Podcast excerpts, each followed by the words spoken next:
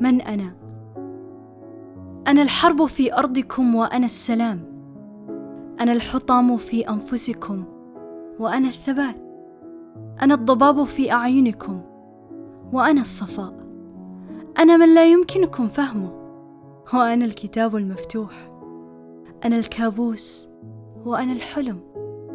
أنا الابتسامة في وجه طفل وأنا الدموع. أنا الصلح والغضب. أنا القسوة في وسط الطيبة.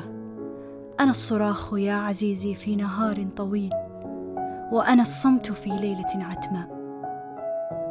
أنا العدو الماكر والمواطن الذكي. أنا من يأتي مرة ولا يدل طريقا مرتين. أنا من يتساقط مني الحزن كأوراق الشجر في الخريف ويتبع هواء الاكتئاب بلا وجهه ولكنني أيضا الأمل.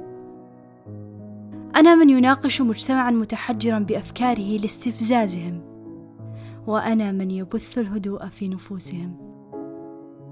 أنا من يعشق الانفراد ويخافه.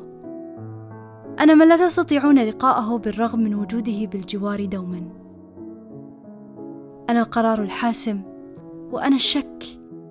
أنا القارئ الجاهل والمثقف المجنون.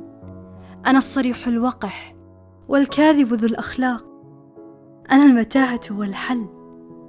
أنا الكاتب البشع. والمغني ذو الذوق الرفيع.